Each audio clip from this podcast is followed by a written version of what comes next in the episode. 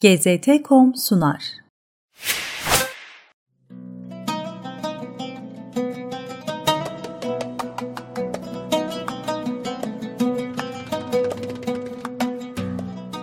Güney Revakları Abbasiler döneminde inşa edilen Güney kemerleri, Fatımiler ve Osmanlılar döneminde restore edilip günümüze ulaşmıştır.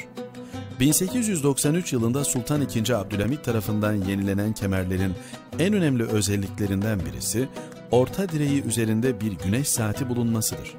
Güneş saati 1907 yılında yaptırılmıştır. GZT.com sundu.